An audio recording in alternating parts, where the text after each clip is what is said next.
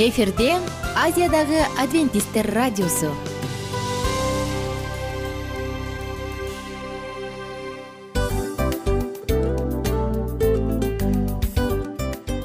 Достор салют. Баардык сүйүктүү угармандарыбызга салам айтабыз. Кутман күнүңүздөр менен.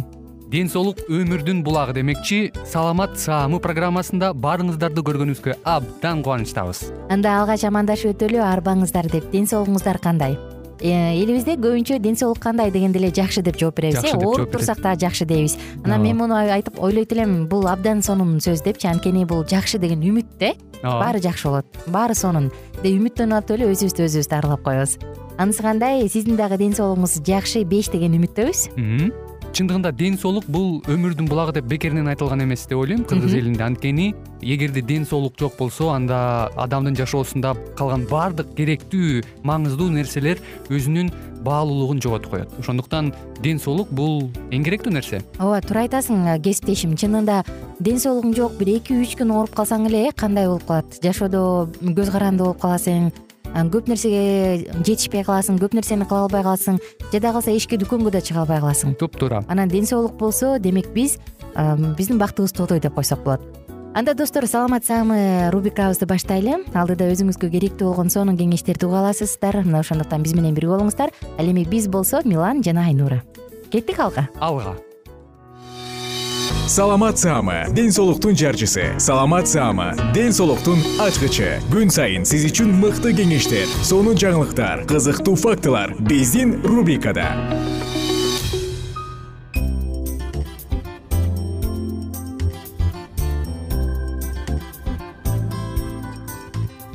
Саламатсыздарбы достор. Жалпы радио угармандарыбызга сагынычтуу салам айтабыз. Сиздер менен кайрадан биз саламат саамы рубрикасын баштадык. Жалпыңыздарга кош келиңиздер деп кучак жайып тосуп алганыбызга кубанычтабыз. Бүгүнкү тема баш мээ жөнүндө болот.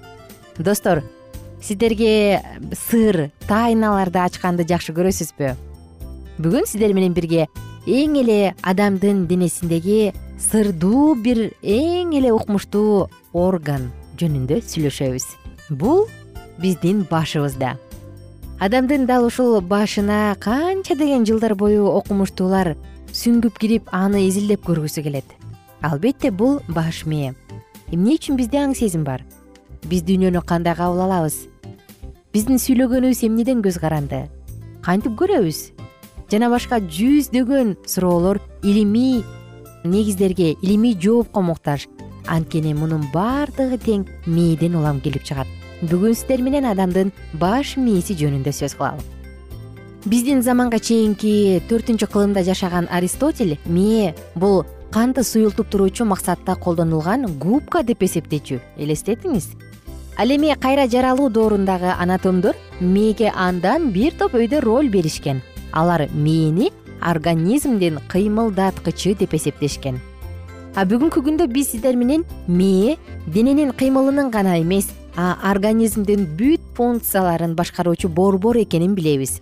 Андан да артыгы мээ аң сезимдин жана эң жогорку нервдин иштешинин борбору. Бул гана адам баласына таандык башка бир да жаандыкта жок. Жалпысынан эгер ага биологиялык мындай жөн гана сырткы түзүлүшүнө сүрөттөмө бере турган болсок мээ жумшак губкага окшош масса аны баш сөөк жана мээнин кабыгы деп аталган ичке үч мембрана коргоп турат баш мээ суюктук менен курчалган аны ликвор же жүлүн суюктугу деп атап коюшат.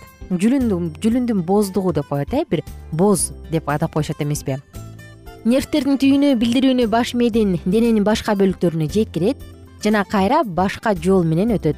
Кээ бир нервтер баш мээден дароо көз кулак же баштын башка бөлүктөрүнө өтөт. А башка нервтер жүлүн аркылуу өтүп баш мээни дененин башка бөлүктөрү менен байланыштырышат баш мээ негизи биз эмне жасагыбыз келип атат? Бул сүйлөп же басып же кыймылдап э? Жана организм эмне кылат? Ойлонбостон. Мисалы дем алат. Биз ойлонбойбуз бирок дем алып турабыз. Мына ушунун баардыгынын үстүнөн жетектеп турат. Андан сырткары баш мээ биздин сезимдерибизди контролдойт. Көрүү угуу сезүү даам жана жыт сезүү жана ошондой эле эс тутум эмоция биздин инсандуулугубузду мына ушунун баардыгын тең контролдоп турат. Баш мээнин үч негизги бөлүгү ар кандай функцияларды аткарат. Мисалы алдыңкы мээ бери астыңкы мээ алды жактагы мээ бул баш мээнин эң эле чоң бөлүгү.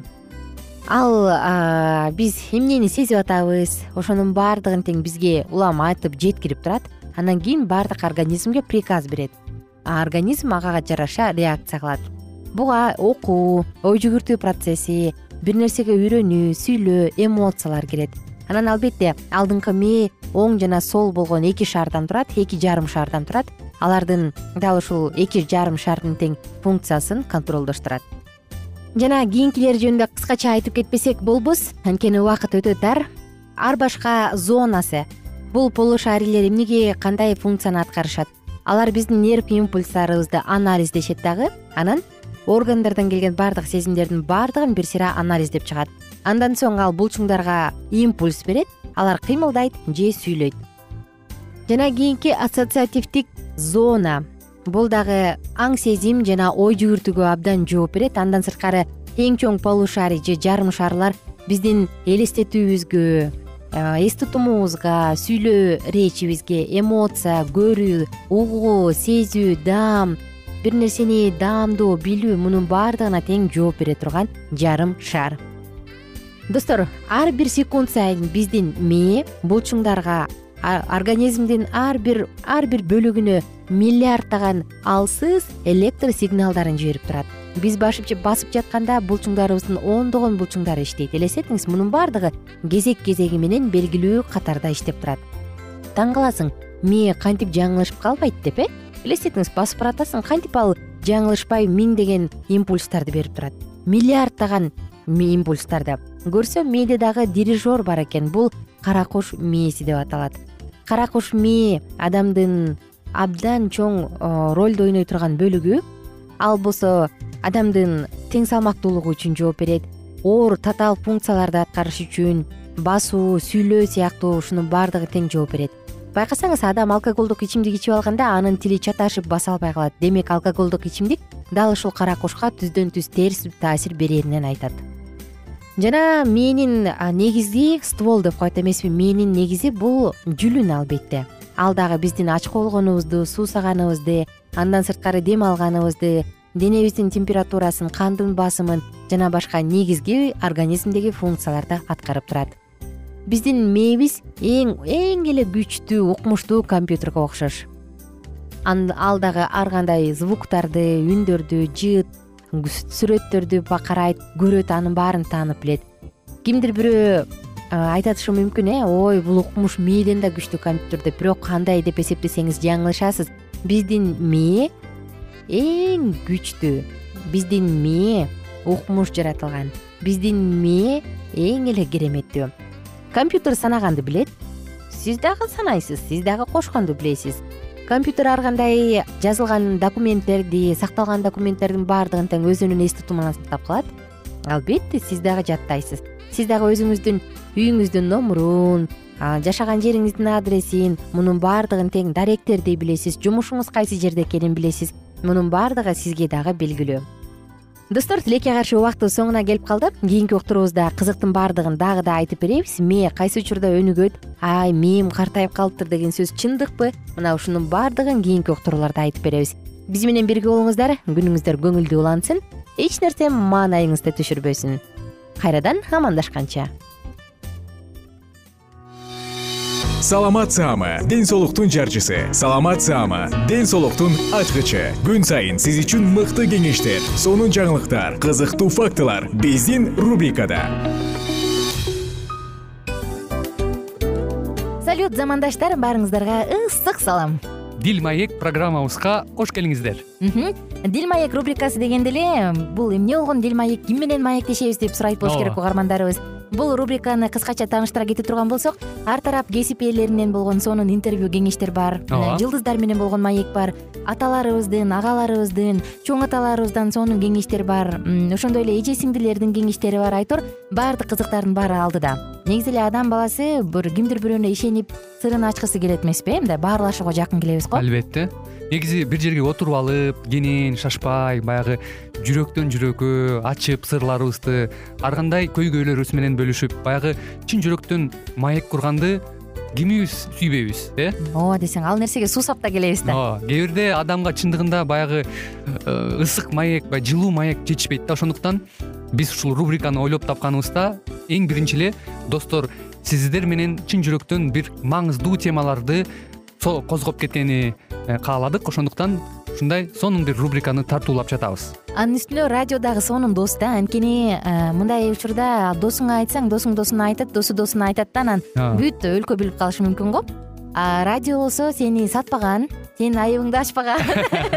Сенин сырыңды эч кимге айтпаган сонун дос мына ошондуктан биздин алдыдагы айта турган кеңештерибизди биздин досторубуздун кеңештерин угуп анан ал жака пикириңизди дагы калтырып кайрадан биз менен байланышсаңыздар болот. Деги эле жашооңузга эгерде кичине болсо дагы өзгөрүү алып моралдык жактан нравовдук жактан сонун бир кеңештерди алсаңыз демек биз максатыбызга жеттик. Ооба. Чыңгыз атабыз улуу жазуучу э, чыңгыз айтматов айткандай адам болуу бул күнүмдүк процесс экен. Күн сайын адам бойдон калуу бул адамзатка эң эле эң кыйын дейт э? э эң кыйын дейт. Чындыгында бунун э, негизинде адамдын эң баягы сапаттуулугу адамдын э, адамгерчилиги жана көптөгөн керектүү нерселер. Мына ошол темалар дагы бизде ушул дил маекте биз аларды да козгойбуз. Ден соолук жөнүндө да сүйлөшөбүз. Сөзсүз түрдө анан милан мырза негизи айтып коюшат го. Биз көбүнчө эмнени ойлонсок ошол нерсеге карата иш кылабыз го. Ооба. Анан анысы кандай? Балким бул радио баракчада кимдир бирөөнүн оюн текшергенге жардам берет кимдир бирөөнүн жүрөгүн текшергенге жардам берет. Балким кимдир бирөөгө жашоонун маңызын тапканга жардам берет. Айтор кызыктын баары алдыда бул жөн гана кыскача жарнама анда угармандарыбыздын баардыгын кийинки рубрикабызга чакырабыз. Ал эми кызматта маңдайымда отурган кесиптешим милан жана мен айнура. Анда эмесе биз даярдаган терең терең ойлор менен таанышууга кеттик. Алыс алыс баралык. Анда эмесе достор биз менен бирге болуңуздар. Алдыда эң кызыктуу маалыматтардын баардыгы бир нече мүнөттөр бою жалгыз гана сизге арналат. Мына ошондуктан жакшы маанай менен угууну каалайбыз. Үн алышканча. Жөнөдүк. Ар түрдүү ардактуу кесип ээлеринен алтын сөздөр жүрөк ачышкан сыр чачышкан сонун маек дил маек рубрикасында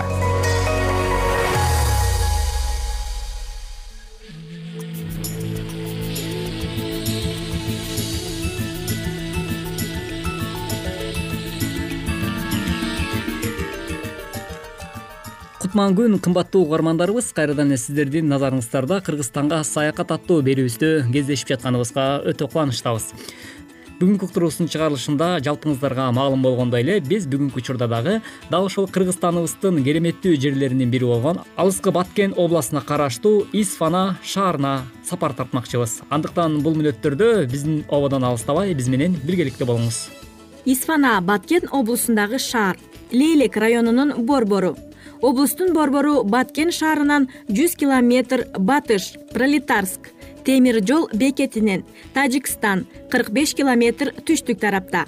Кара суу өзөнүнүн боюнда деңиз деңгээлинен бир миң үч жүз метр бийиктикте жайгашкан. Калкы жыйырма сегиз миң адам. Шаардын курамында ак булак горбо мырза пачата тайлан самат жана чимген кыштактары кирет исфанада эки миң экинчи жылы түрдүү менчиктерге таандык элүү төрт ишкана мекеме жана уюмдар иштеген. Калкы негизинен дыйканчылыкта тамеки жашылча жана мөмө жемиштерди өстүрүүдө мал чарбасында кой эчки багууда эмгектенишет. Шаарда жалпы билим берүүчү он үч мектеп алардын ичинен төрт орто мектеп эки гимназия эки бала бакча бир кесиптик техникалык лицей бир жогорку окуу жайдын филиалы маданият үйү эки клуб төрт китепкана тарых жана аймак таануу музей мейманкана райондук ооруканалар жайгашкан. Ошондой эле исфананын тарыхы. Баткен облусундагы лейлек районунун борбору эмне үчүн исфана деп аталып калган? Бул жөнүндө аргументтер көп.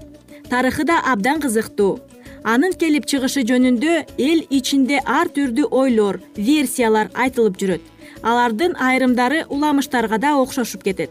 Хронологиялык тарыхка дал келбесе да элдин айтуусу тарыхты толуктап турат. Кокон ханынын вазири исман бир күнү ханы менен келише албай ордодон чыгып кетет. Таза абалуу тоолуу тынч аймак деп азыркы исфанадагы түпсада деген жерди байырлап калат. Аймак сууга мол экен. Анчылык кылып жүрүп исман осмон ифон жогорку дөбөгө келип азыркы стадиондун ордуна үңкүр курдурат. Ошол учурда исфана аркылуу жибек жолуна бир тармагы кокон самарканд соода жолу өтчү экен. Акырындап исман үй жай куруп бала чакалуу болот. Кийин ал жерге самарканд ходжент ташкент кокон жана башка шаарлардан хандарынын кыргын согуштарынан качкандар келип отурукташып бул аймак кеңейген кийинчерээк исман бул аймакка коргон чеп кербен сарай курдуруп бек болгон. Кокондон бул аймакка келе жаткандан сураса исман турган жерге исман ыктыярындагы жерге исманга деп айтылып жүрүп аймактын аты кыргызча исманы өзбекче исвони тажикче испони орусча исфана болуп калган экен. Ошондой эле исфана чебинин жана өздөрүнүн курулушу жөнүндө дагы айтып кетпесек болбос эл оозунда сакталып калган маалымат боюнча кокон хандыгыда исманга орто чеп курууга жардам бермекчи болушат. Курулуш ишине жардам берүү үчүн таш аттуу аскер башчысынын жетекчилигинде гесарлыктар исфанага жиберилишиптир. Бирок ат араба менен үч төрт айлап жол басып келгенче исмандыктар өз күчтөрү менен сепилди да чепти да куруп алышат чептин жана сепилдин ордо курулушуна топуракты азыркы пулон деген жерден ат араба менен ташып келишет. Сууну ордого чептин чыгыш тарабынан арык казып киргизишет. Ошол курулуш иштери кызуу жүрүп жатканда аскер башчысы таш ордунан каза табат. Анын ошол арыктын боюна көмүшөт. Азыркыга чейин ал жерде таш мазар сакталып калган ушул күндөрү да махала сайынан алакан шаарга чейинки аралыктагы арыкты шесар хисор аттыгы деп аташат. Салгылашуу менен талоондон тажагандар исмандын жанына келип тынч жашоого ыңгайлуу деп отурукташа башташат. Бара бара көчүп келгендердин саны көбөйүп имарат курулуп чеп даңы кеңейтилет. Чеп чоңойтулгандыгына байланыштуу төрт тарабында бирден дарбаза орнотулат кийин ар бир дарбазанын аткарган кызматына жараша ал төмөнкүдөй аталып калат. Сасык дарбаза чептин түндүк жагында жайгашкан. Чептен акыр чикир чыгарылган. Паз дөбө дарбазасы аркылуу самарканд оро төбө ходженттен келген соодагерлер жана жергиликтүү калк кирип чыгып турган. Дербиш булак дарбазасы аркылуу мал жайытка чыгарылып суугарылып турган жогорку дөбө дарбазасынан кокондон келген жолоочу соодагерлер кирип чыгып турчу экен. Ушул дарбаза аркылуу кала ичиндеги байлар бектер уюшулган улак күрөш жана башка оюн зоокторго катышуу үчүн адамдар кирип чыгып турушкан. Калаанын дубалдары бийик беш метрге чейин жеткен калың болгон. Анын ичинде кызуу турмуш кайнап кол өнөрчүлөр иштеп соода жүрүп жашоо токтоосуз уланып турган. Жергиликтүү калк менен кошо кокондуктар маргалаңдыктар ферганалыктар келгиндер көп болушкан. Жана ар бир уруу өз мечитине ээ экен. Ордонун ичинде да мечит медресе болгондугу айтылат. Бул медреседе кокондон самаркандтан бухарадан келген билимдүү адамдар сабак беришкен темир усталары калаанын сыртында батыш тарабында соодагерлер түштүк тарапта жайгашкан. Дербиш булактын үстүндө отурукташкан. Карапачылар исфана калаасынын эң четинде тайлан пулон жана кашка жакта жайгашкан. Ошондой эле ит жойлоп кире алгыс исфана калаасы. Исфанада эки кароол дөбө болуп биринчиси калаанын чыгыш тарабында экинчиси түндүк батыш тарабында жайгашкан. Кайсы тарабынан алыстан душман көрүнсө кароол дөбөдө турган күзөтчүлөр от жагып түтүн чыгарып белги беришкен. Ал түтүндү көргөн ордонун сепил кароолчусу керней тартып белги берген. Азыр да ошол кароол дөбөнүн орду бар кымбаттуу угармандарыбыз ушинтип бизге бөлүнгөн убактыбыз дагы өз соңуна келип жетип калды. Бүгүнкү программабыздын алкагында сиздер. Дал ошол алыскы баткен областында жайгашкан исфана шаары туурасында дагы маалыматка ээ боло алдыңыздар. Бүгүнкү уктурууга кулак төшөгөнүңүздөр үчүн ыраазычылык билгизүү менен биргеликте эмки берүүдөн биз сиздер менен дал ушул ободон амандашканча сак саламатта болуңуз ар түрдүү ардактуу кесип ээлеринен. Алтын сөздөр жүрөк ачышкан сыр чачышкан сонун маек. Дил маек рубрикасында.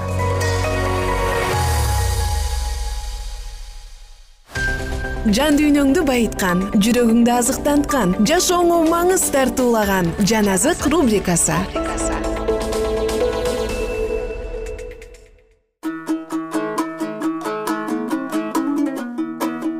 салют достор. Баардык угармандарыбызга ысык салам айтабыз. Сиздер менен улуу күрөш китебин уланталы.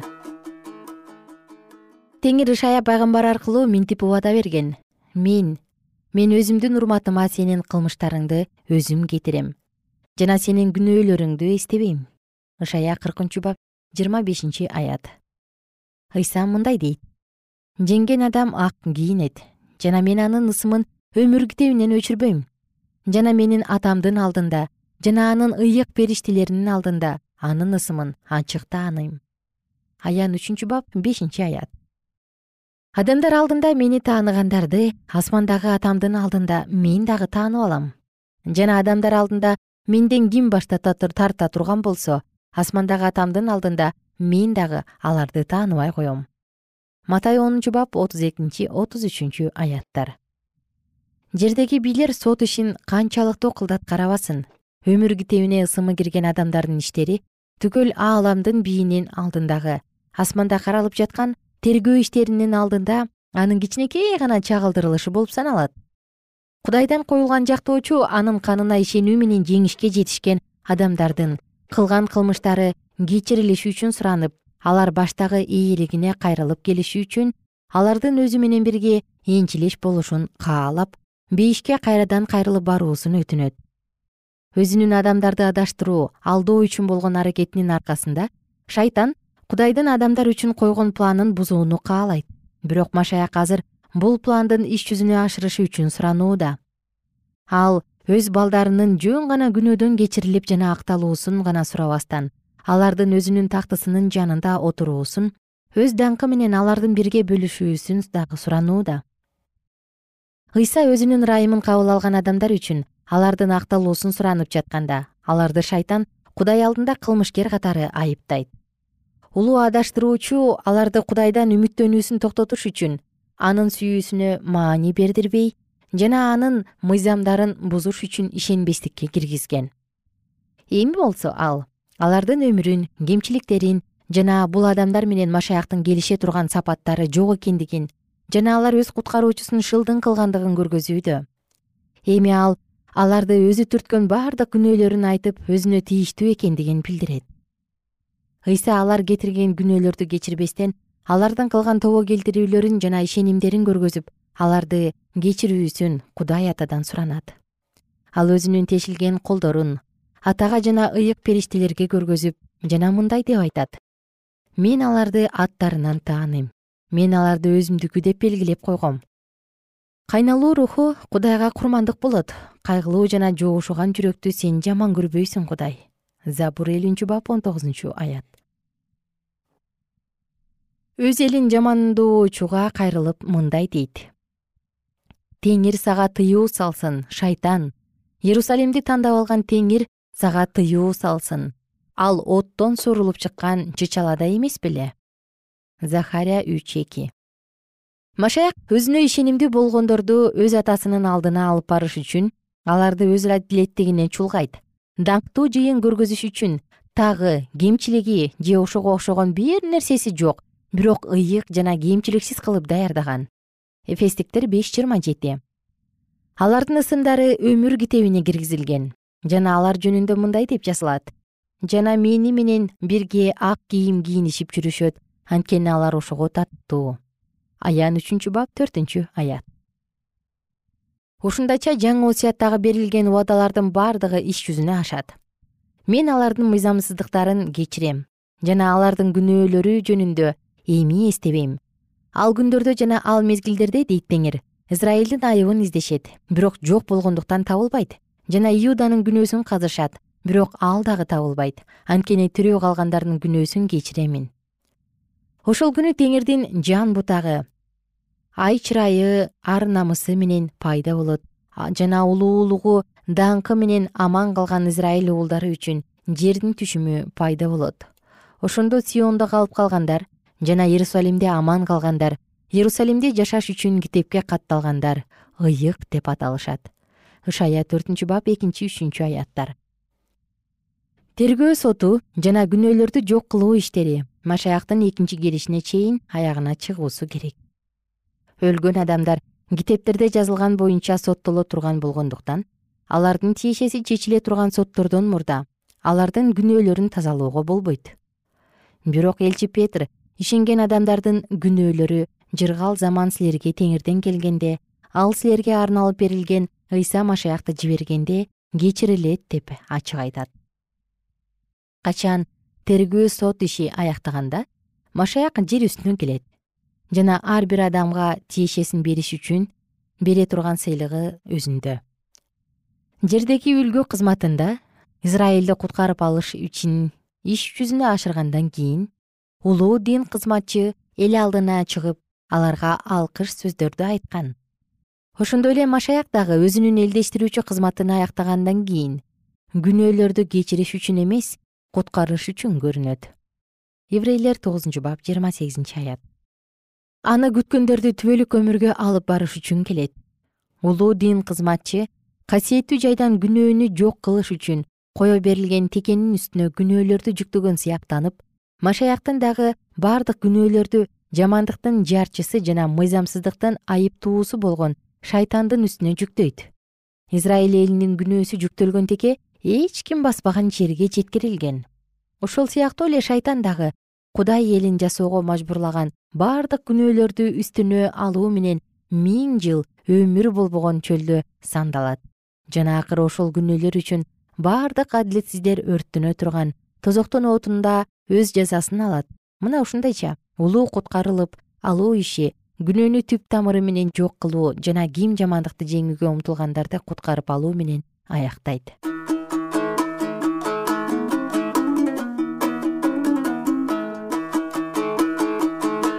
кадырман замандаш. Сиздер менен бүгүн дагы улуу күрөш китебинен үзүндү окуп өттүк. Ыйыктар ыйыктала берсин дейт эмеспи анысы кандай? Сиздин жашооңуз жүрөгүңүз дагы дайым тазалыкка умтула берсин. Баарыңыздар менен убактылуу гана коштошобуз. Кийинки уктуруудан кайрадан амандашканча. Күнүңүздөр көңүлдүү улансын